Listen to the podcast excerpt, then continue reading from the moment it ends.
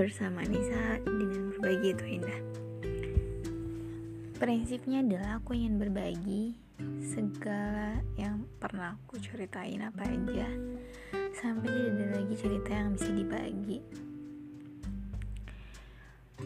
Jika di podcast sebelumnya aku mikir perlu nggak sih aku memperkenalkan diri siapa aku, tapi hmm, kayaknya nggak perlu deh gitu seiring berjalannya waktu maksudnya seiring dengan kalian sering mendengarkan podcast podcast yang aku publish itu kalian bakal tahu siapa aku gimana background aku.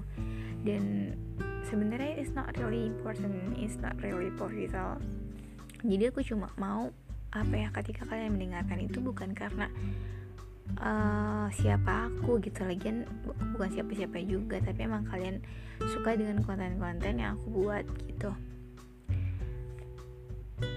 Jadi um, aku memutuskan untuk tidak me